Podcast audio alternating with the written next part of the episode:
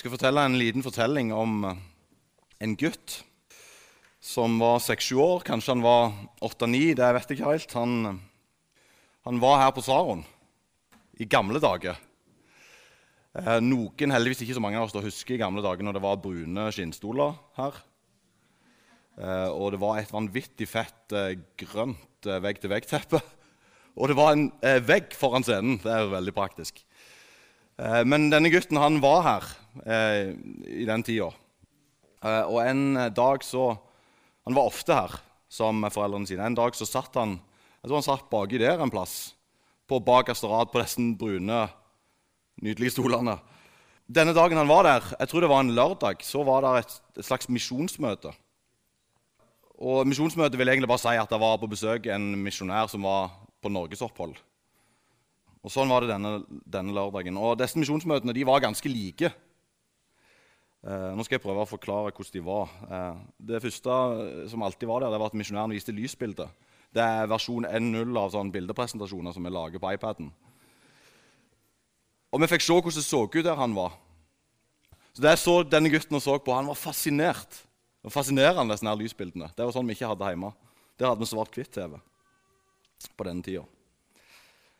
I tillegg så hadde ofte disse misjonærene som var på besøk, enten de hadde med seg klær fra, fra, Afrika eller hvor de var hen. Og han som var her denne lørdagen, han hadde faktisk til og med på seg klær nå. Det var jo helt crazy. Ofte så kunne det være de, de hadde, de, de, Ikke si dette til noen, da, men det kan være han danste. Men det, på den tida var ikke det greit på det grønne teppet. Men han, han var liksom litt sånn, for i Afrika var de litt friere. I tillegg til det så hadde de ofte med seg noen gjenstander. Og De, de gjenstandene denne gutten husker, eller i hvert fall de fleste gutter husker, det var hvis de hadde med seg spyd. Det var vanlig. Eller ei tromme. Eller ei gryte. Sånne viktige ting. Gjenstander. Det var fascinerende. Selvsagt også hadde, På disse, disse misjonsmøtene i gamle dager så hadde misjonæren andakt. Eh, og nesten alle misjonærene hadde akkurat den samme andakten. Og det handla jo om kall. Mange av disse misjonærene de slutta med å si noe sånt som dette. Det, er, det kan være det er noen her som har et kall til misjon. Og det skjedde også denne lørdagen. Og denne gutten, da, på vet ikke hvor gammel han var, sju-åtte, han kjente det i magen når denne misjonæren sa det. Han, eh, det er ikke så lett å beskrive hvordan en åtteåring opplever eller føler, men han, han, hadde en slags erkjennelse av at ja, nei, det er meg. Jeg har det jeg kaller. Jeg hadde et bilde av denne gutten. Og jeg husker den dagen vanvittig godt. Jeg husker hvor jeg satt hen. Jeg husker følelsen, og jeg kan fortsatt kjenne følelsen.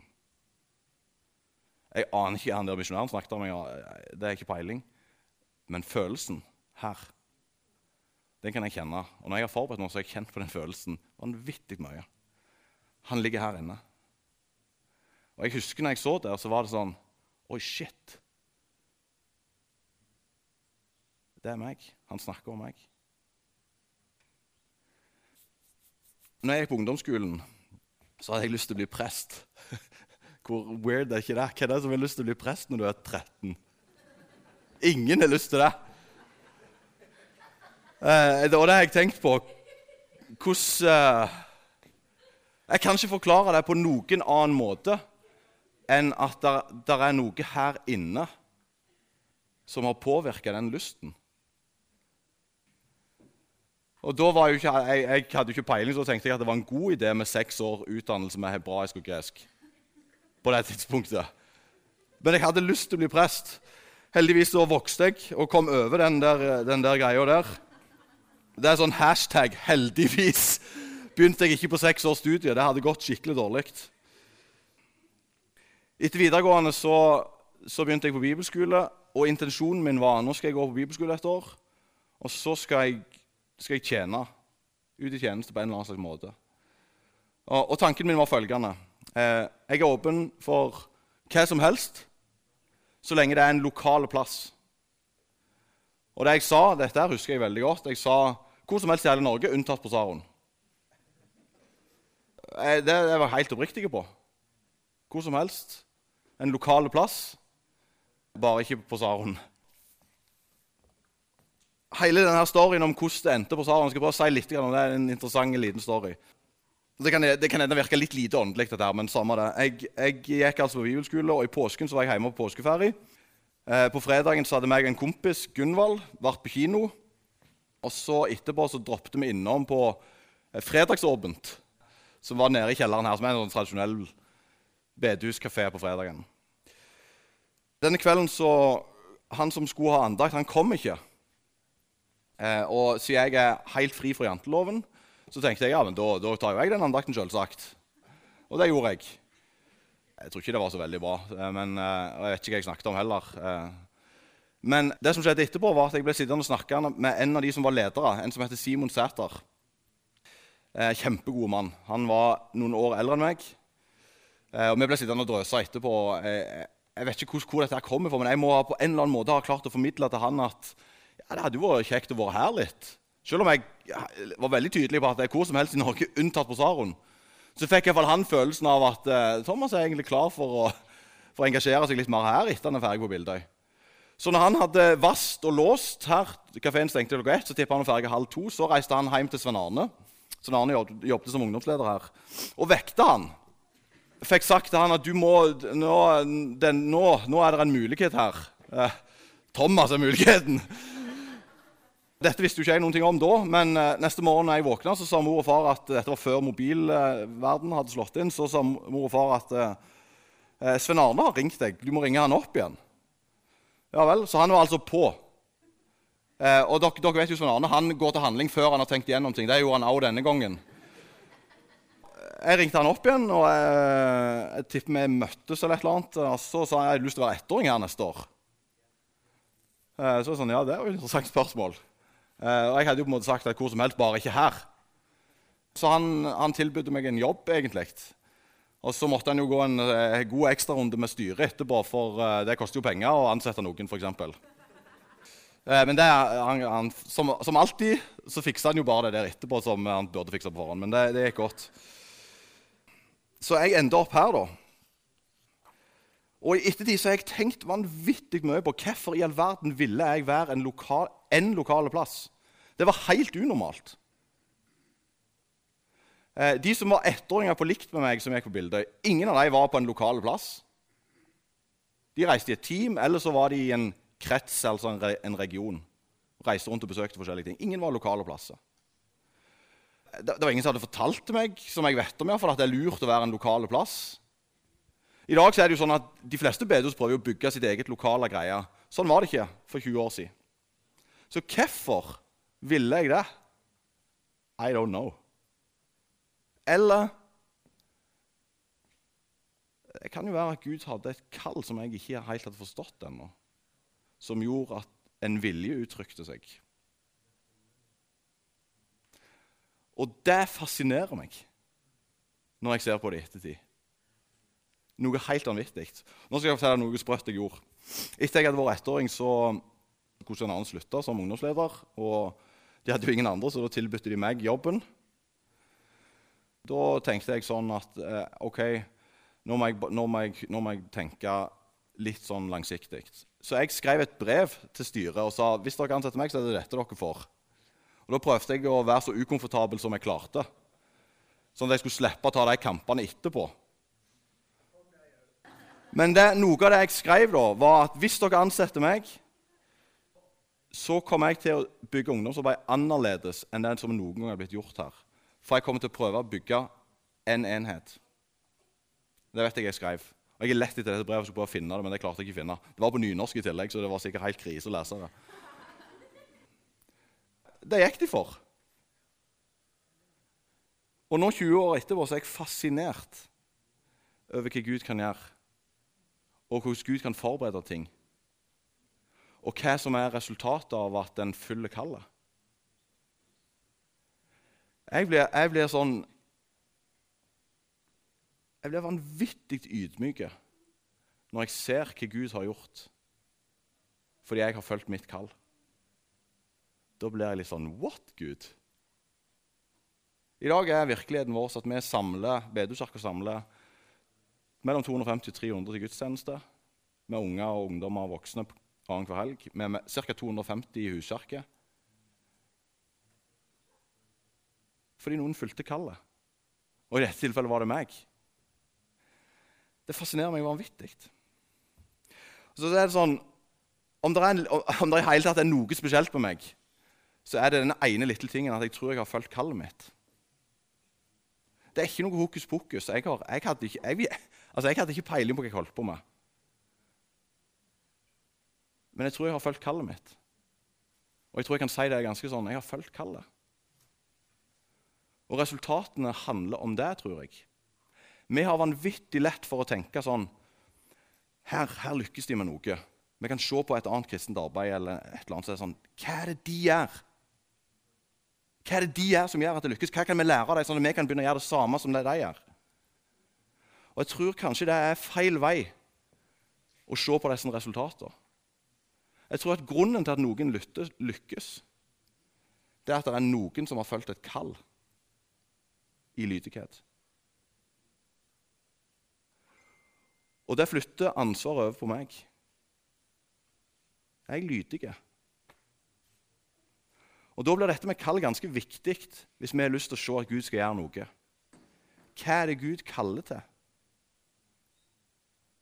Hva er det Gud kaller deg til? Utgangspunktet for det som jeg skal snakke om nå, er at Gud har et kall til alle. Det tror jeg. Og jeg tror ikke det handler om først og fremst at vi skal lære oss en hel haug med prinsipp og måter å gjøre ting på for å få en viss type resultat. Jeg tror at nøkkelen for å, for å komme oss inn i det som vi håper skal skje, eller det vi drømmer om at skal bli virkelighet, er lydigheten på det kallet.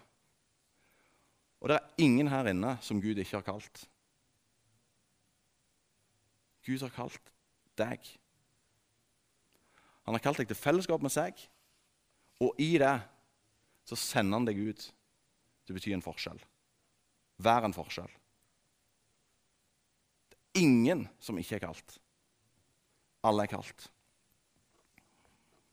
Vi som har fulgt Jesus og lest i Bibelen, vi kjenner historien om Moses, eller fortellingen om Moses. Om hvordan Gud kalte han til å gå og sette folket fri. Et enormt kall, egentlig sette et helt folk fri fra slaveri i Egypt. Denne Fortellingen står i 2. Mosebok kapittel 3 og 4. hvis dere har lyst til å liksom se litt mens jeg snakker. Men jeg skal prøve å være litt i denne fortellingen. Her er det vanvittig mange synes jeg, fascinerende ting. Moses var født jøde i Egypt. Så ble han adoptert inn i kongefamilien. Nøyaktig sånn som du og meg er blitt. Og I voksen alder så ble han sint og frustrert over urettferdigheten og slaveriet som folk hans levde under. Og En dag så ble han så frustrert at han drepte en egyptisk soldat, og han måtte rømme. Til slutt så endte han opp i Midian, som er på Sinai-halvøya. Her stifta han familie og ble gjeter. Og en dag som var lik alle andre dager, så skjedde det noe litt ekstraordinært. Fortellingen sier at det var en Herrens engel som viste seg for ham i en brennende busk. Og busken brant ikke opp. Så Moses ville sjekke hva er dette for noe. Og Da gir Gud seg til kjenne og roper navnet hans, Moses. Av en eller annen grunn så er det akkurat som Moses forstår. For han svarer, 'Her er jeg'. Først sier Gud tilbake igjen hvem han er, forklarer hvem han er, gir seg til kjenne.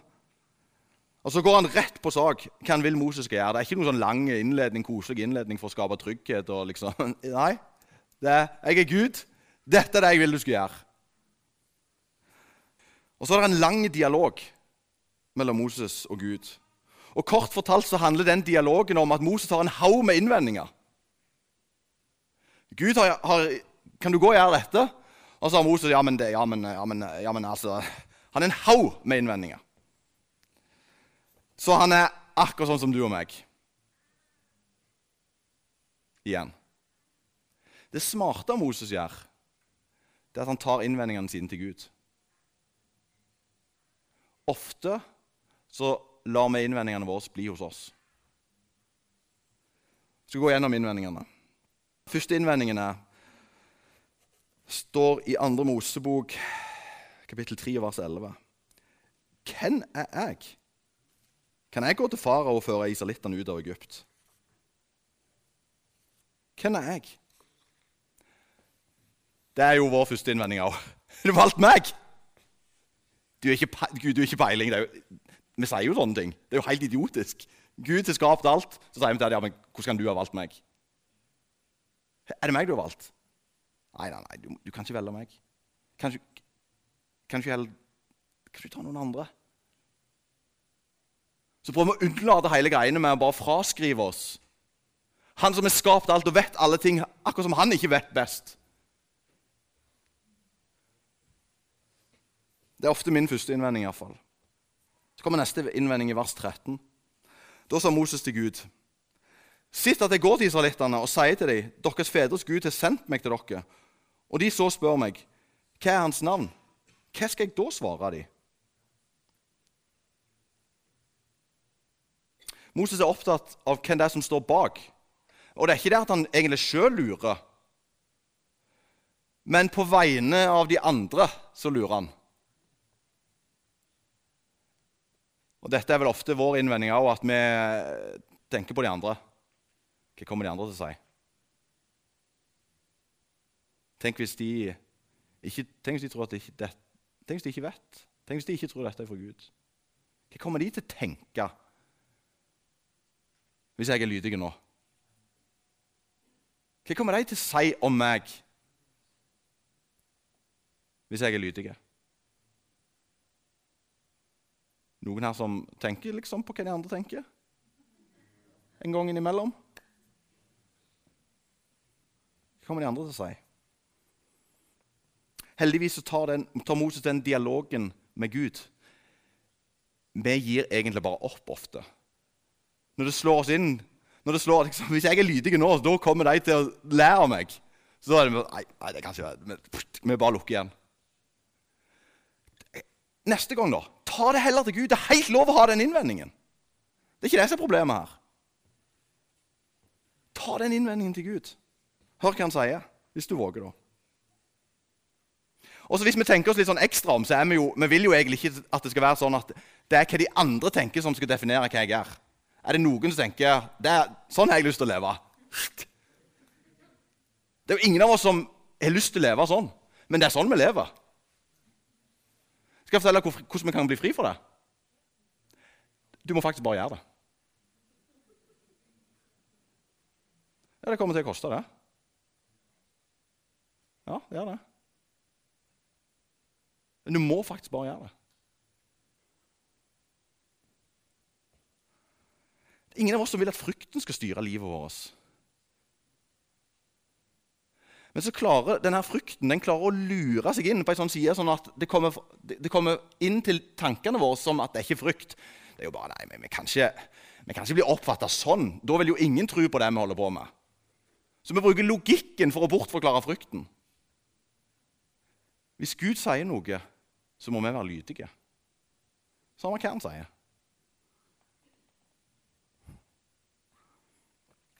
Hvis vi begynner å lete oss selv, hos oss sjøl med disse innvendingene, så vil vi finne vanvittig gode svar som bekrefter at det ikke er smart å utsette oss for at andre skal tenke noe negativt om oss. Så hva kommer de andre til å tenke når jeg kommer med dette? Tredje innvending. Andre Mosebok 4, vers 1. Moses svarte. Men sitt at de ikke tror meg og ikke hører på meg, men sier, 'Herren ikke vist seg for deg.' Så her er det at det kan jo umulig være for Gud, det du kommer med. Det er det som er bekymringen.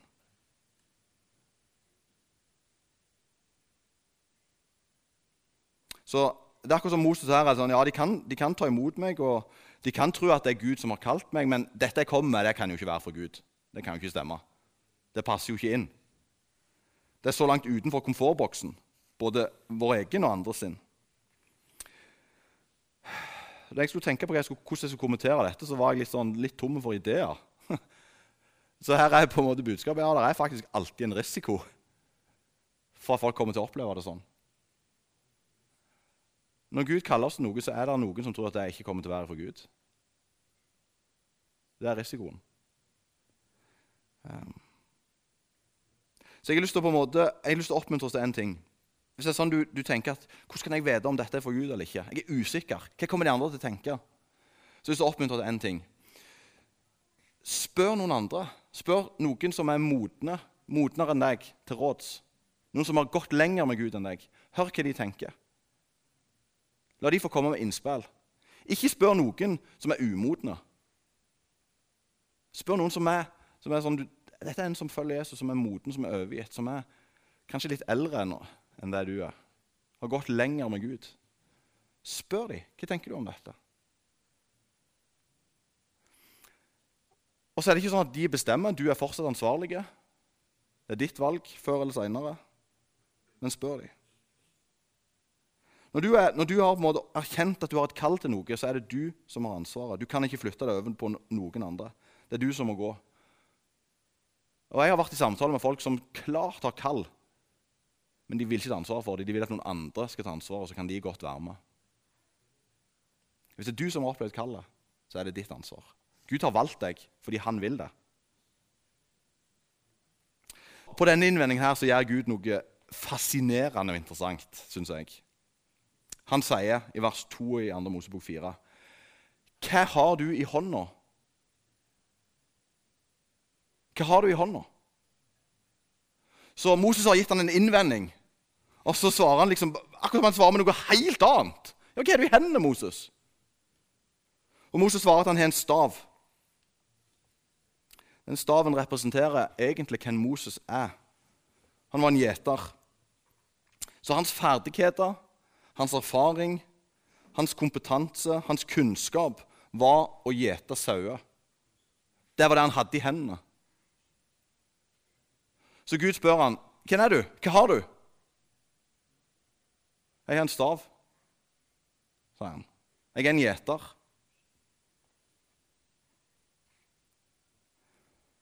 Så ber Gud Moses kaste staven sin på bakken. Og det gjør Moses.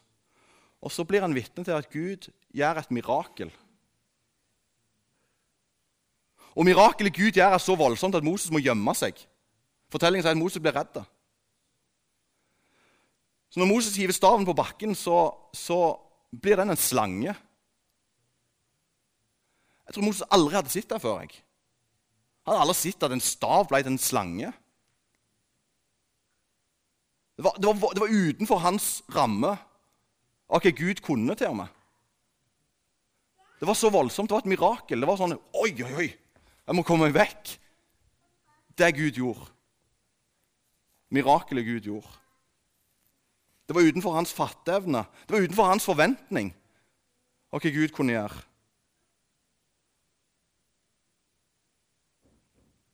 Det Moses hadde i hendene, ble et mirakel når han overga det til Gud.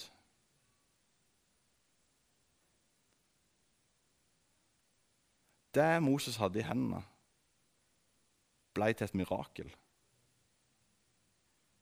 når Moses overga det til Gud. Når han slapp det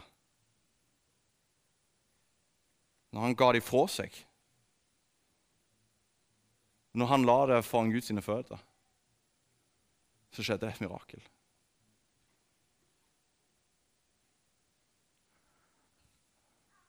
Når Gud kaller deg og spør hva du har i hendene, så tror jeg ikke utfordringen vår er at vi vet hva vi har i hendene. Tror de fleste av oss vet det er rimelig sånn. Vi vet, vet hva vi har. Utfordringen vår er er vi villige til å legge det på bakken.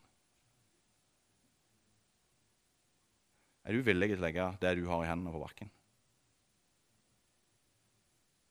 Hva har du i hendene? Legge, så sier Gud, kan du legge det ned? Kan du legge det på bakken? Så vil jeg gjøre mirakler med det som du legger på bakken. Villige til å slippe det.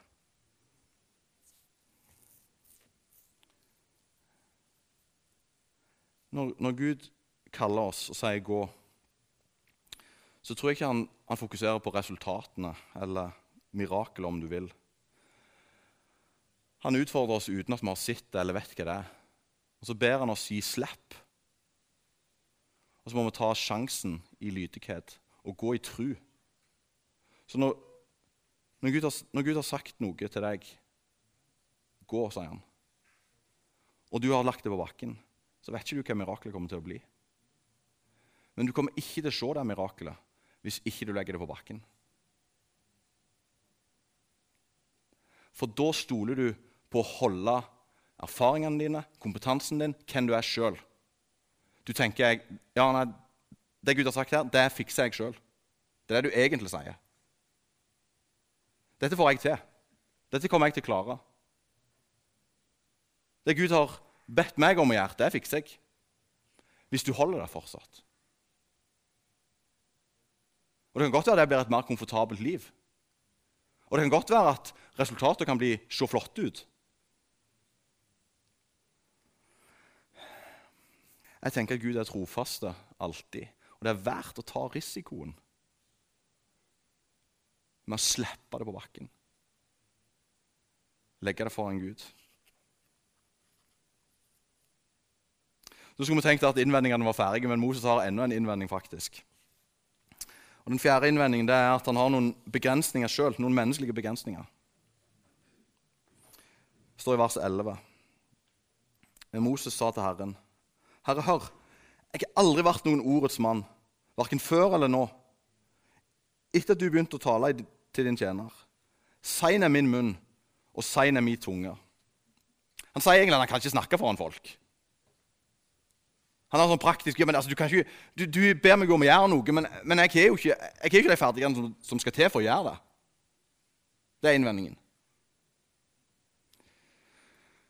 Og jeg, her, det Gud gjør her, det digger jeg. For her, her, kunne vi fort ja, men Gud gjør jo bare et mirakel, og så plutselig bare får du det til. Det er faktisk ikke det han gjør. Vet du hva Han gjør?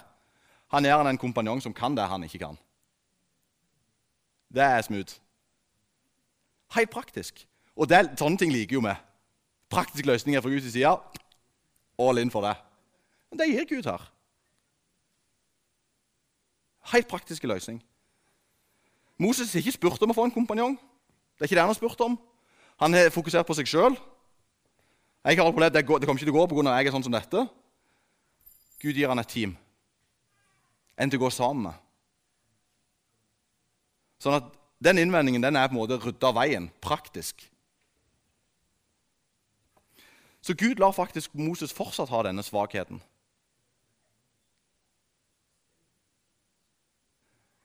Guds kraft fyller hennes svakhet, sier Bibelen. Så dine svakheter, dine mangler, det står ikke i veien. Det kan stå i veien hos deg, men det står ikke i veien for hva Gud kan gjøre. Gud spør deg hva har du i hånda som jeg, kan gjøre mirakler med. Hva har du i hånda? Hva har du i hendene som jeg kan gjøre mirakler med?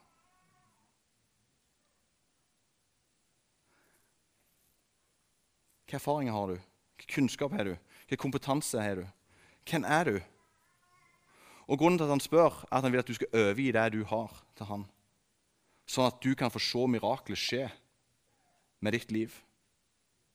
Er du beredt til det? Er du beredt til det? Kall er ikke noe du først og fremst skal føle deg kompetent til. Det er ikke noe du skal tenke at 'dette fikser jeg', 'dette er kontrollen på'. Hvis du kan gjøre det uten Gud, så er det nesten det jeg tenker, da er det liten sjanse for at det er kallet ditt. Det ligger et tydelig aspekt med kall at Gud må gjøre det for at det skal kunne skje.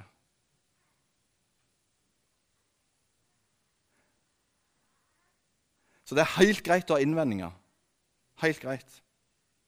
Det er helt greit at du har begrensninger, og du har innsett det. Helt ok. Moses leda et helt folk til frihet. Han hadde innvendinger, han hadde noen begrensninger, som tilsa at dette skulle, dette skulle ikke funke. Men Gud gjorde mirakler gjennom denne mannen. Gud kunne bruke det Moses la fra seg på bakken. Så at miraklet kunne skje. Så spørsmål nummer én fra Gud hva er du i hånda di? Spørsmål nummer to vil du gi det til meg? Eller vil du fortsette å holde det? Hvis du gir det, så kommer det til å skje mirakler. Så resultatet av å følge kallet i lydighet handler ikke om dine prestasjoner, dine ferdigheter, dine evner til å levere eller skape, bygge, forme eller hva det nå er. Lydighet handler om å vandre i det som Bibelen kaller ferdiglagte gjerninger. Noe som Gud har lagt ferdig. Det er altså Gud som gjør noe. Gud kan virke gjennom deg. Gud har lagt ferdig for deg et liv å gå inn i. Et spørsmål som nok mange av oss vil stille, som er et spørsmål på sin plass, er ja, men jeg har ikke noen kallsopplevelse. Hvordan kan jeg leve inn i dette her hvis jeg ikke har noen kallsopplevelse? Og Det er et vanvittig godt spørsmål. Og jeg tror dette er et sånt spørsmål som det ikke finnes et ja eller nei på. Det er som Er det mulig å følge Jesus uten å ha hatt en personlig opplevelse av ham? Det spørsmålet er, går det an å svare både ja og nei på. Jeg prøv å forklare litt hvordan jeg tror det er viktig at vi tilnærmer oss dette. her. Jeg tenker at Dette med kall det er som, um, det er som ei trakt med to ytterpunkt. Ytterst på den ene sida er opplevelsen, kallsopplevelsen. Ytterst på den andre sida omstendighetene. Og alle oss detter oppi den drakta, om du vil. Være med i dette fantastiske bildet. En eller annen plass mellom disse to ytterpunktene. Eh, omstendigheter, kallsopplevelse. Omstendigheter, da mener jeg Hva har jeg, hva har jeg i hendene? Hvor er det jeg bor hen? Hvilken jobb har jeg? Det er sånne ting som er ytre ting, men som forteller ganske mye om livet mitt. egentlig. Så jeg, jeg har en sånn helt pragmatisk tilnærming. Hvis, hvis du bor på Bryne, rimelig stor sjanse for at du er kalt et eller annet her. Sånn, helt til omstendighetene Det er her jeg har enda opp. Det er rimelig stor sjanse for at det er her. Så Disse spørsmålene her er viktige for å hjelpe oss til å finne ut hva kallet vårt er. Og alle vi er her en eller annen plass. Vi, vi er jo endt opp å bo en plass. Vi endte opp å være i en, et sett av relasjoner og en omgangskrets. Vi endte opp med en jobb osv. Disse tingene påvirker kallet vårt. Og så tenker jeg det sånn at Hvis, hvis, du, hvis du, vet du har falt helt, liksom helt på omstendighetssida, så er det lurt å strekke seg mot den andre sida. Litt sånn. Og det, da mener jeg Begynn å be Gud om å Kan du, kan du bekrefte kallet mitt, Gud? Begynn å be om det. Spør Gud. For Gud svarer, sier dere, når vi spør. Og Hvis du har falt nedi på den andre sida og har kaldsopplevelse, så er det jo ikke sånn at hvis, hvis jeg har sånn enorme kallsopplevelse at jeg skal flytte til Etiopia, eksempel, så må jo jeg faktisk bestemme meg for å flytte. Jeg må jo sørge for at jeg har visum i år. Altså, Det er en hel haug med omstendigheter som må på plass. Så da må jeg strekke meg mot den andre sida. Så det er ikke noe enten-eller her. Og uansett hvor du detter opp, det, detter opp i denne trakta, så kommer du jo ut på samme plassen. I et liv med ferdiglagte gjerninger. Så det at du ikke har kallsopplevelse, det er ikke en unnskyldning. Omstendighetene rundt livet ditt kan fort være Gud som har ledet deg. Så våg å stille deg spørsmål, og så strekk deg mot det som du mangler. Kall handler om å ha et liv med ferdiglagte gjerninger der du lever med hensikt og i Guds plan. Det høres jo fantastisk flott ut. I tillegg så tror jeg det kan være ganske lurt å lese, lese Bibelen med kallsbrillene på. Nå vet jo ikke jeg hvor mye vi leser i Bibelen, men hvis du leser i Bibelen, eller neste gang du leser i Bibelen, prøv å liksom ta på deg brillene av at Hva er det Gud kaller meg til? For dere, dere forstår, dette her, dette er Gud som snakker. Dette er Gud som snakker. Og sånn, Hvis jeg zoomer helt ut, så tror jeg det er to ting han snakker her. Han snakker hvem du er, og han snakker hvorfor du er her. De to tinga, det er jo kallet mitt. Så hvis vi tror dette er levende Det tror vi jo. Nesten om det du sånn så tro at det er levende. Det er levende, dette. Du kan høre hva Gud har kalt deg til når du leser her. Men hvis du aldri tar på deg brillene, ha de på brillene neste gang. Hva er det Gud har kalt meg til? En ting som jeg har tenkt på, er dette her med Hvis det er å følge kallet, og ha bevissthet rundt at når jeg følger Guds kall, så prøver jeg så godt jeg kan å leve i de ferdiglagte gjerningene han gir. Hva er da det motsatte? Hvis det er å følge kallet og ha bevissthet rundt at når jeg følger Guds kall for mitt liv, så prøver jeg så godt jeg kan å leve i de ferdiglagte gjerningene han gir. Hva er da det motsatte av det? Så hva er det motsatte av å følge kallet? Det motsatte av å leve i Guds plan er jo å leve i egen plan. Det motsatte av å følge kallet kan fort bli at en lever for seg sjøl. Å leve for seg sjøl ligger rimelig latent i oss, iallfall hos meg. Jeg liker å leve for meg sjøl. Jeg liker å sette meg sjøl i sentrum av livet mitt. Jeg liker å alltid ta utgangspunkt i meg sjøl når jeg skal ta en bestemmelse eller gjøre en prioritering. Om hvordan jeg bruker tida mi og hvordan jeg bruker ressursene mine. Jeg vil ha mest komfort som regel. Jeg vil ikke at det skal koste noe særlig. Jeg vil at det skal handle om meg. Jeg vil at jeg skal få mest, ha mest.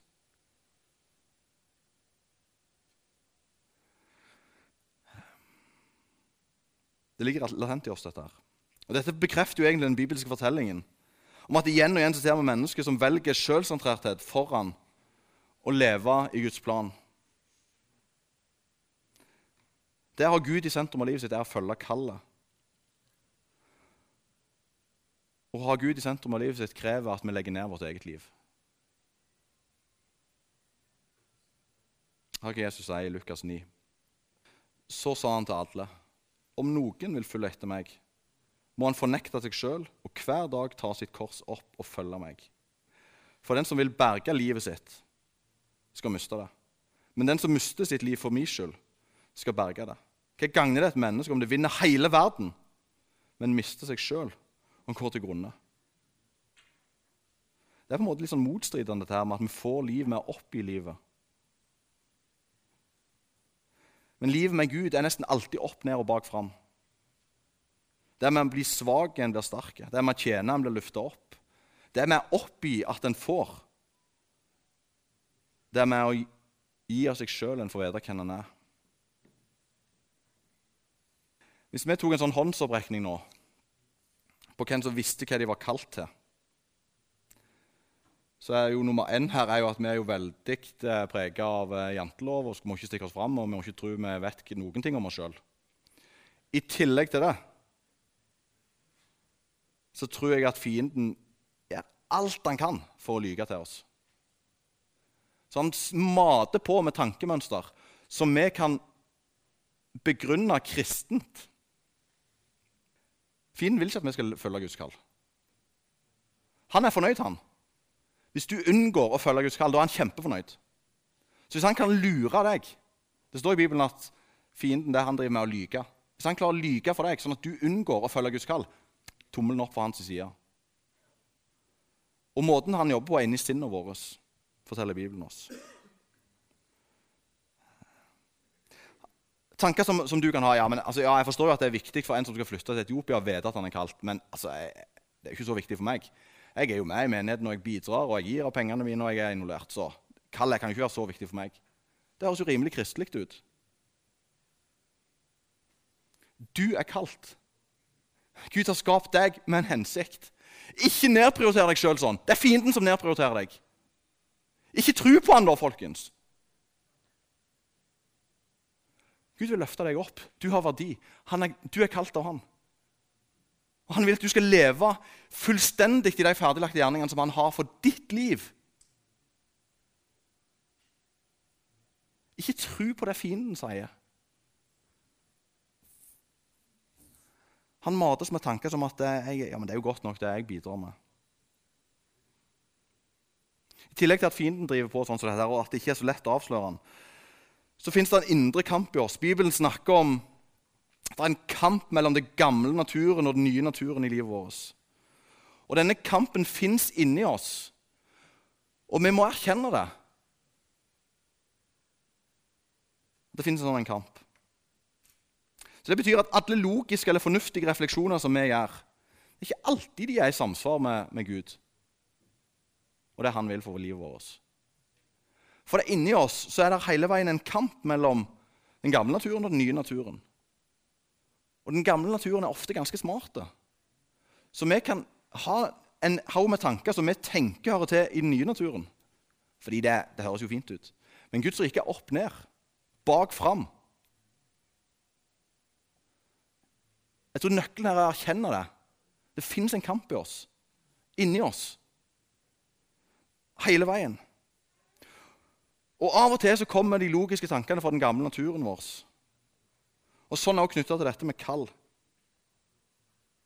Gud har kalt deg til å ha fellesskap med seg. Og i det kallet så, så sender han deg til å leve med hensikt i sin plan.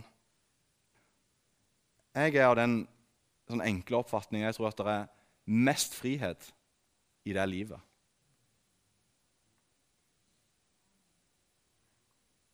Det er minst fordømmelse når en kommer inn i det livet. Det er mest glede som lever i det, i det livet. Det er mest legedom når en er fri. Det tror jeg. Grunnen til at du og meg kan følge kallet, er at Jesus med sin død på korset har begravd vår gamle natur, og vi kan leve som nye mennesker. Og Det tomme korset det symboliserer at våre nye liv i lydighet mot Gud Så kan vi legge ned det gamle, og vi kan leve fullt og helt som nye skapninger inn i det livet. Så Utgangspunktet for dette her, livet i ferdiglagte gjerninger, der vi følger Guds kall, det er det, det er det som skjedde her. Den dagen Jesus begravde det gamle mennesket ditt og ga deg et nytt liv i frihet for alt som trykker ned og binder, så kan du leve fri for det. Men du må legge det ned. Hvis du holder det fast, så kommer du ikke inn i det livet. Men Gud kaller deg til å legge ned livet ditt. Så skal du få et helt nytt liv i ferdiglagte gjerninger. Helt nytt. Det fullkomne offeret for vår synd, vår sjølsentrering, vår egoisme og det å leve for oss sjøl kan fortsatt skje i livet ditt. At det offeret gjør at det blir tatt vekk. Og når vi oppsøker det, denne plassen her foran et kors som er helt tomt fordi det er tatt vekk, og lar evangeliet rense oss for synd, skyld, skam, så er det frihet. Vi blir reist opp med en ny natur til å leve det nye livet i Guds plan. Vi kommer fortsatt til å måtte kjempe mot den gamle naturen. Ja. Men Gud kaller oss til å legge ned og slutte å prøve sjøl. Slutt å prøve sjøl. Legg det ned. Skal vi be sammen?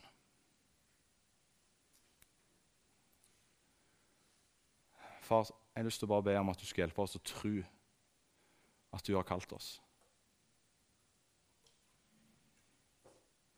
Far, jeg ber om at du skal avsløre de der tankene som ikke er for deg, om at Jeg vet ikke hva kallet mitt er, eller det er ikke for meg, eller alle sånne greiene her.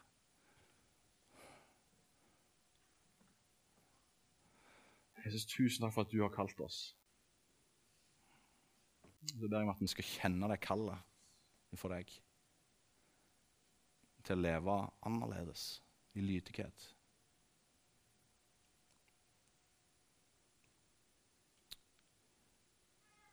Amen.